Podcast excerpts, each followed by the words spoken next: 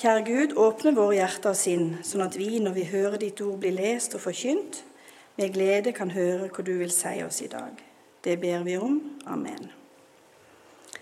Og da er den Efeserteksten som eh, Svein skal tale over fra Efeserne 5, versene 1-7 i Jesu navn.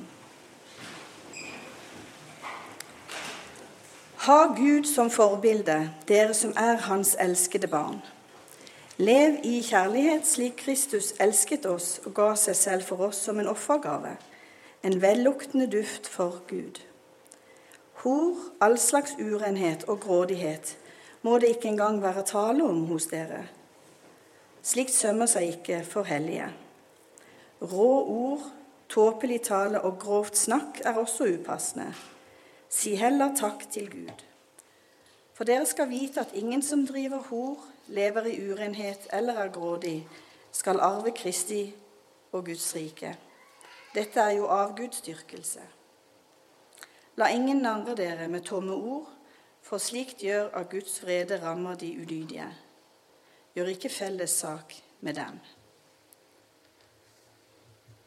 Og så skal jeg òg lese noen vers fra Matteus 5, 43-48. Elsk deres fiender. Dere har hørt det er sagt, du skal elske din neste og hate din fiende. Men jeg sier dere, elsk deres fiender. Velsign dem som forbanner dere, og gjør godt mot dem som hater dere.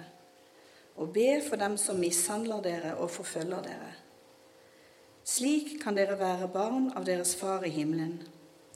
For han lar sin sol gå opp over onde og gode, og lar det regne over rettferdige og urettferdige. Om dere elsker dem som elsker dere, er det noe å lønne dere for? Gjør ikke tollerne det samme? Og om dere hilser vennlig på deres egne, er det noe storartet? Gjør ikke hedningen det samme?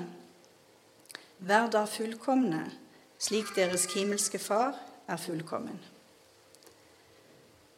Kjære Jesus, takk for ditt ord. Takk at ditt ord er sannhet. Hellige du oss i ditt ord. Amen. Hyggelig å være her igjen. Jeg prøvde å telle, eller finne ut hvor lenge siden det var. Det er eh, ja, litt over tre år siden da var jeg her. Men da var jeg tilsynsmann. Det er jeg ikke lenger. Så, eh, men jeg har det bra for det. Og så skulle jeg vært her i fjor. Eh, men det, da måtte jeg dessverre melde avbud. Jeg fikk noen problemer. Men nå er jeg i farta igjen. Alltid hyggelig å være i Flekkefjord. Der har kona mi, Marit, er med meg har vi vært mange ganger. Eh, mange gode venner vi har i Flekkefjord. Og det setter vi stor pris på. Så fikk jeg teksten her for eh, mange, mange uker siden. Ikke den enkleste, for å si det sånn. Og mye litt sånn krevende tekst. En sånn tekst som vi pleier å hoppe litt sånn elegant over. Og forkynne om, i hvert fall. Eh, og i dagens samfunn så vil vi helst ikke snakke så mye om dom og elendighet. Men eh, jeg skal da snakke om Efeserne 5, 1-7. Og Hele Efeserbrevet er jo veldig spennende, for det handler jo om kristen enhet. Det handler om kjærlighet. Eh, det handler om fellesskap. Eh, men så handler det om også hva vi bør holde oss bort ifra for å skape enheten. Og Da er det jo litt sånn at man kan tenke hvem er det som styrer ordene, tankelivet og pengeboka vår? Og Det var jo det som Paulus satte fingeren på når det gjaldt efeserne. Eh, og så tenker jeg det at utfordringene er ikke mindre for oss kristne i dag enn det var for de første kristne i Efesos. Og i Efesos, for mange i, i, dagens Tyrkia, så fantes det jo selvsagt eh, Selvsagt, det, fant, det var et lite fellesskap av kristne i Efesos. Og de hadde begynt å tro på, på Jesus. Og misjonæren Paulus hadde besøkt byen på to av sine reiser, noe som vi kan lese om i apostlenes gjerninger. Han vitnet om troen på Jesus, og en menighet vokste fram. Hedninger, altså de som ikke var jøder, som hadde levd et mer eller mindre røft liv, vendte seg nå til den kristne troen. Et nytt liv hadde begynt. Den hellige ånd hadde tatt bolig og skapt nye hjerter som elsket Jesus. Men kunne andre merke det nye livet? er vel egentlig spørsmålet. Var det noen som kunne merke det? Hvilke ord slapp de kristne ut av munnen? Hadde munnen blitt kristen? Hva med penkeboka? Ble den styrt av grisk, et grist eller et gavmildt hjerte? Det er jo egentlig det som blir pekt på i teksten, som er i Efeserne. Ganske heftige ord, egentlig. Og så peker Paulus på, på, på fire områder. Jeg skal ikke gå veldig sterkt inn på hvert eneste område. Men hva var han måtte formane dem om, de første kristne? Jo, det var de til å kutte ut hor, seksuelle tanker, urenhet og umoral, pengejag og griskhet, dumme og dårlige ord. Noen av hver oss kan iallfall være der at vi får noen dumme ord ut ifra munnen vår som gjør og Sånn er det med meg òg. Noen ganger så sier man ting som man ønsket ikke skulle kommet ut. Og kunne kanskje tenke at det hadde en sånn tilbakevirkende kraft. Men ordet er Det er sagt, er jo egentlig sagt. Men Gud vil være efesernes og vil være ditt og mitt forbilde. Ja, mer enn det. Han vil være, og han er vår frelser og tilgiver. Derfor har jeg satt på toppen et lite ord. Gode forbilder vil prege fellesskapet. Gode forbilder vil prege fellesskapet. Og så er det jo sånn her, hvis dere leser det veldig godt, eh, så står det da at eh, at vi skal ikke gjøre felles sak mot dem. Og vi skal liksom ikke jeg skal si for noe, jeg ble kristen Jeg kom fra liksom et ikke-kristent hjem. Det kan jeg godt være klar på. Men når jeg møtte kirken, jeg møtte Metodistkirken, så hørte jeg ganske mange i, i forkynnelsen at ikke vi skulle blande oss med verden. Jeg vet ikke om dere har hørt det noen gang. Du måtte være for deg sjøl. Men det er ikke det efeserne sier. Han sier ikke noe om at vi ikke skal være for oss sjøl, men vi skal ikke ta de samme ordene i munnen, for vi skal være forbilder. Men det er klart, Hvis ikke vi blander oss med folk i verden eller ute, så har vi heller ikke noen mulighet til å få noen som ønsker å tro på Jesus Kristus. Men det er viktig at vi kontrollerer og er forbilder på den måten som du og jeg har fått inni oss. Og For meg så er det noe av det som jeg har lært da, er på en måte et sånt floskel kanskje, at Kristus skal vinne mer og mer skikkelse i oss. Og det er jo sånn det er. Vi kommer fra et sted, og vi går til et sted. Og mellom der så, så er det en vei. Og for meg så er veien det at som vi kaller for helliggjørelse, noe som vi kanskje ikke snakker om så mye i hele tatt i disse dager. Men det der med at, at, Jesus Kristus skal bli en mer og mer viktig del av livet vårt. Og da endrer også måten vi er, Da endres måten vi er på. Er dere enig? Jeg håper det, i hvert fall. Og, det, og, jeg tenker at sånn er egentlig livet. Vi, du og jeg, vi er forbilder. Og jeg tror jeg snakker et utrolig mye om det å være forbilde. For det er samme hvordan det er du er ung eller eldre. Og så tenker jeg at vi som er eldst, vi bør være de største forbildene. Vi har vandra lengst fra når vi sa ja til Jesus.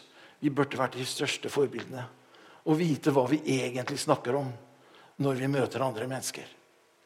Også i menighetene våre, men også der ute. Vi har forbilder for oldebarn, barnebarn, onkelbarn, barn, naboer. For de vet hvem vi er. Selv om du er i en stor by, så vet folk egentlig hvem du er. Og de forventer at du har en annen standard. Men de forventer også at du kan være sammen med dem. Men du bør ikke være lik dem. Og hvis du greier det, og det er jo det Paulus egentlig peker så veldig sterkt på, at vi skal være nær andre mennesker. og Vi skal ha med oss alt det vi har fått. Og vi skal kunne ha vokst med det som Jesus ønsker at vi har. Da skal vi slutte med at dumme ting kommer ut av munnen. Banneord og andre ting. Og så skal vi være forbilder. Og på den måten så greier vi å overføre det som vi tror på, over til alle andre mennesker. Som jeg sa, så vokste ikke jeg opp i en uh, kristen familie. Eller mamma og pappa. Men jeg hadde folk rundt meg. Bestemora mi, mormora mi, og hvor jeg var plassert. Og så var jeg veldig mye på besøk oppe i Indre Østfold. Nå heter det Viken, men det liksom, blir så rart. For det er liksom, det er liksom Indre Østfold, Viken. Da er du nesten på Geilo. vet du. Eh, men det var ikke så langt altså fra Fredrikstad til der jeg var. Men det var et sted som heter Båstad. Nedafor, der hvor tante og onkel bodde, der var det en, der var det en eh, bondegård. Mannen der het Johannes. Og Tante sa når jeg begynte å lære litt mer, at når du kommer ned der, Svein, så må du ikke banne skjønte egentlig ikke helt hvorfor. Og så sa hun det. Du må ikke si 'fy søren' engang. Jeg blei opplært av tanta mi og dem at det, det, å si de stygge ord, det var bare noe tull. Og Etter hvert så forsto jeg da at da Johannes og de folka nede på den bondegården, det var pinsevenner. Men de prøvde aldri å si noe til meg. Og jeg husker med, enda med, med stor ære at jeg fikk lov til å være der. Og fikk lov til å være der under opplæring på hvordan jeg som guttunge burde leve. Hvordan jeg burde se på andre mennesker. At jeg kunne få overføre den vennligheten de hadde, til alle de andre mennesker. Så Johannes og Kari som kona heter, de var jo da forbilder for meg. De ga meg noe som jeg hadde med videre i livet. Jeg syns det er utrolig bra. Og de levde jo et sånn type liv som jeg syns var veldig fint å ha. For de var noe de bar med seg. Og så er det jo sånn da, at hvis du er i Næringslivet har oppdaga dette her.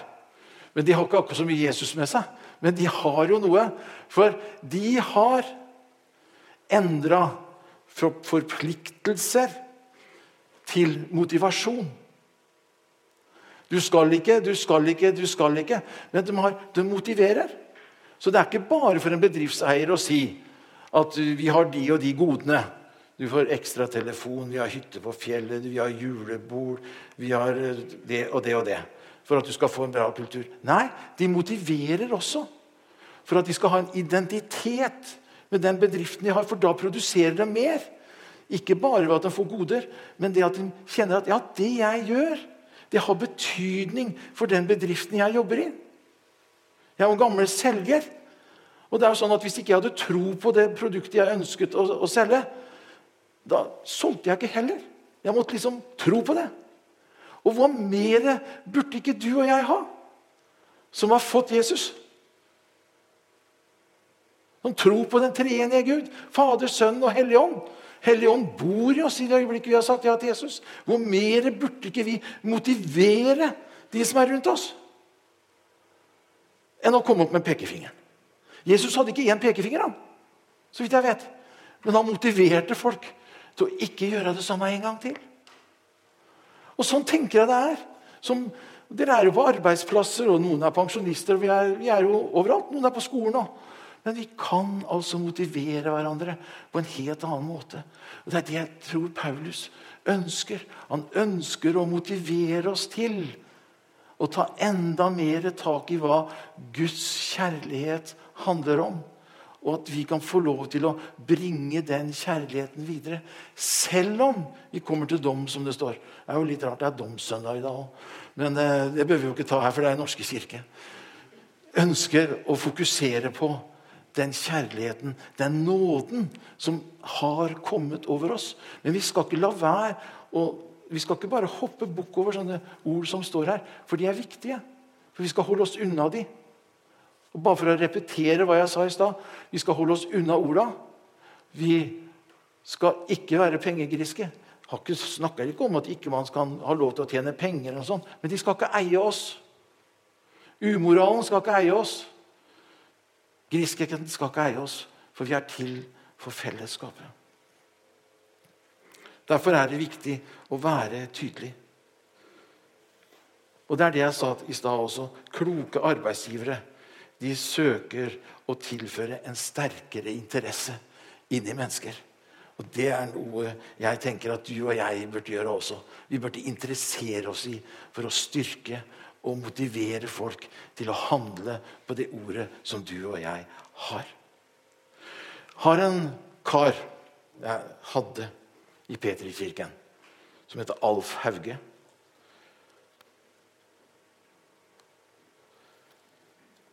Jeg blir litt sånn eh, berørt når jeg snakker om han Alf. Alf reiste hjem til Herren sånn 13. mars i år dagen etter lockdown. En høvding i Petrikirken og i lokalsamfunnet i Fredrikstad. På den siden som Peterkirken er i Fredrikstad, på østsiden. Kanskje enda lenger. Alf var en markant personlighet. Han var et forbilde. Han kunne være på konserter hvor det var det mest bråkeste som fins. Jeg minnes én. Han var på, på, på sommerfesten på Drottningborg. Og Samuel Jungbladet gospelkonsert. Det var lyd, kan du si. Høy lyd. Og så var det litt av pause, og så rakk han opp handa og spurte om han kunne få si noe, for han elska å vitne om Jesus. Hadde han en mulighet, så skvatt han opp. Og jeg pleier å si han blei bedre og bedre jo eldre han ble. Og så kom han opp på podiet nede på sommerfesten med all den lyden, og så sa kona hans, da heter Lillemor, sa det her er ikke akkurat det Lillemor og jeg hører mest på. Sånn. Men jeg vil si dere, dere som sitter her nå og gremmes over lyden, gled dere. Gled dere når dere ser all ungdommen foran her som hopper og danser og er med. Gled dere.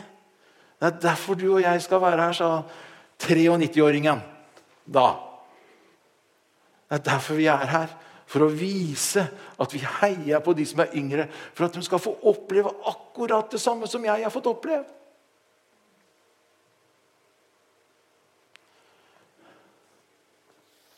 Så satte han seg ned.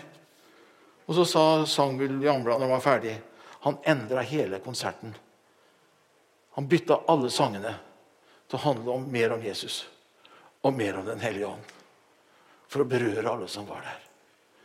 Er forbilder. Jeg snakka kanskje mest til min generasjon òg. Men også dere som er yngre, for det er forbilder. For det er forbilder for skolevenner, kamerater, alle sammen. Men du og jeg, som er pluss 60, vi har et ekstra ansvar. Til å gi videre det som vi har fått lov til å få. Jeg er en del av 70-tallsgenerasjonen, Jesusvekkelsen. Menigheten var ikke bestandig veldig glad i oss. For vi hadde veldig noisy musikk, eller bråkete musikk, og det var litt av hvert. Men jeg takker min Gud for at jeg har fått lov til å oppleve det. Og jeg ønsker jo at ungdom skal få lov til det. Og så ber jeg faktisk om at Svein, jeg håper at ikke du lar lemmene dette ned og sier at grusomt det som er men heller åpner vinduet og sier 'slipp det inn', så andre mennesker og alle unge kan få lov til å oppleve den kjærligheten som Guds, Gud ønsker å gi oss. Og på den måten Guds ånd traff meg. Det er derfor jeg står her i dag. Hadde jo ikke klart å stått her og forkynt ordet til dere hvis ikke det hadde vært noe som hadde gitt meg et kall. Men sånn er det jo over til dere òg. Dere har også fått et kall. I det øyeblikket dere sa ja til Jesus Kristus, ja, så fikk dere et kall. Og kallet er Gå ut og gjør alle folkeslag til mine disipler. Det Gå ut der som menneskene er, med den du er, med de verdiene du har, med det du er skapt til å ha, for å dele med andre mennesker. Og i dag så det, det viktigste er å dele, er jo hvordan du er. Det er hvordan du er. Det er faktisk det viktigste som fins. Og Barat, metodisten, han var, hadde akkurat det samme perspektivet. Han sa til pinsemyndigheten jeg tror det var, da var pinsemenighet, for han fikk, han fikk sånn kritikk han bygde opp det store koret i Philadelphia i Oslo. Og halvparten trodde på Jesus Kristus. Halvparten visste ikke hvem han var. Og så fikk han kjeft. At du kan gjøre sånn, da, Barat. Ha alle disse menneskene her som ikke tror, så synger de bare evangeliske sanger. Og sa bare at bare vent dere. Om et halvt år så har alle sammen tatt imot Jesus. Og det hadde de. Han hadde det som prinsipp å invitere folk. For du blir jo mer og mer nysgjerrig. Og skal vi få lov til å overleve, så er det viktig. Og så kan du tenke deg på alle dem rundt der at de er våre fiender. Men Vi har folk som ikke er glad i oss. Men vi har fått beskjed som vi hørte på slutten, at vi skal elske dem på den måten som du og jeg er. Møter vi mennesker med vennlighet og med respekt Og da syns jeg godt at vi skal ha Gud, som er selve lyset på det forbildet. Gud, Jesus Kristus, Den hellige ånd, er ditt og mitt forbilde. Og så er det opp til oss hvilket forbilde vi ønsker å ha. Men å ha gode forbilder i en menighet, det vil prege fellesskapet. For det betyr jo at man er mest opptatt av at andre som kommer, skal ha det bra. At andre skal bli sett og hørt og bli respektert for dem de er. Så Derfor så syns jeg det her er utrolig viktig å ha. Lev i kjærlighet, slik som også Kristus elsket oss og ga seg selv for oss som en offergave. Et vellukkende offer for Gud. Og så står det i Romerne 5 Guds kjærlighet er utøst i våre hjerter ved Den hellige ånd, som Han har gitt oss. Så gjør ikke noe, venner. Og det gjelder meg sjøl også. Jeg taler like mye til meg sjøl, for det utfordrer meg. Det utfordrer meg såpass mye at jeg må begynne å tenke hva er det jeg egentlig bruker munnen min til? Alt det jeg har, eier det meg? For du, du og jeg vi lever i et veldig rikt land. Vi har alle muligheter. Og noen ganger så kanskje dekker det for det som vi egentlig har. Gjør ikke noe av selvheldelse og tom ærgjerrighet. Men vær ydmyke og sett de andre høyere enn dere selv. Tenk ikke bare på deres eget beste, men også på de andres. La samme sinnelag være i dere som også var i Kristus Jesus. Står det i Filipperne 2, 3, 5. Kjære venner. La Jesus få enda mer tak i deg. Og det sier jeg til meg sjøl. Og det handler ikke om alder. Jeg tenker om 96-åringen som vandret, la ned vandringsstaven 13. mars. Flammen brant til det siste. Alf hadde problemer med sangen eller stemmen sin. To søndager før så sang vi noen lovsanger som antageligvis var veldig ukjent. Og som kan være ukjent for mange av oss og si at vi gjerne skulle hatt de gamle salmene. Og er irritert for at ikke vi gjør det. Den klareste røsten som jeg noen gang har hørt fra den mannen, var under den lovsangen. Det var liksom noe hellig. Og håra reiste seg. Og den gamle mannen fikk lov til å forkynne at det viktigste i livet er at Den hellige ånd har tatt bolig i oss, og at vi kan vandre trygt på den veien som Jesus har pekt videre for hver eneste en av oss. Amen. Kjære himmelske Far. Du ber om din velsignelse over denne menigheten. Over hva den har betydd for mange mennesker i mange, mange tiår. Ber om at det må fortsatt få lov til å være et, en fyrlykt og en fyrtårn for lokalsamfunnet her. Ber for hver eneste en som er her i, her i kirken akkurat nå. Alle de som ikke kunne være her, selvsagt. Og alle barna. Besign dem, Herre. Og hjelp oss til å ta vare på hverandre, snakke pent med hverandre og gi videre den kjærligheten og nåden som du har utøst hver eneste trone med. At vi kan gi den videre til de vi møter på vei.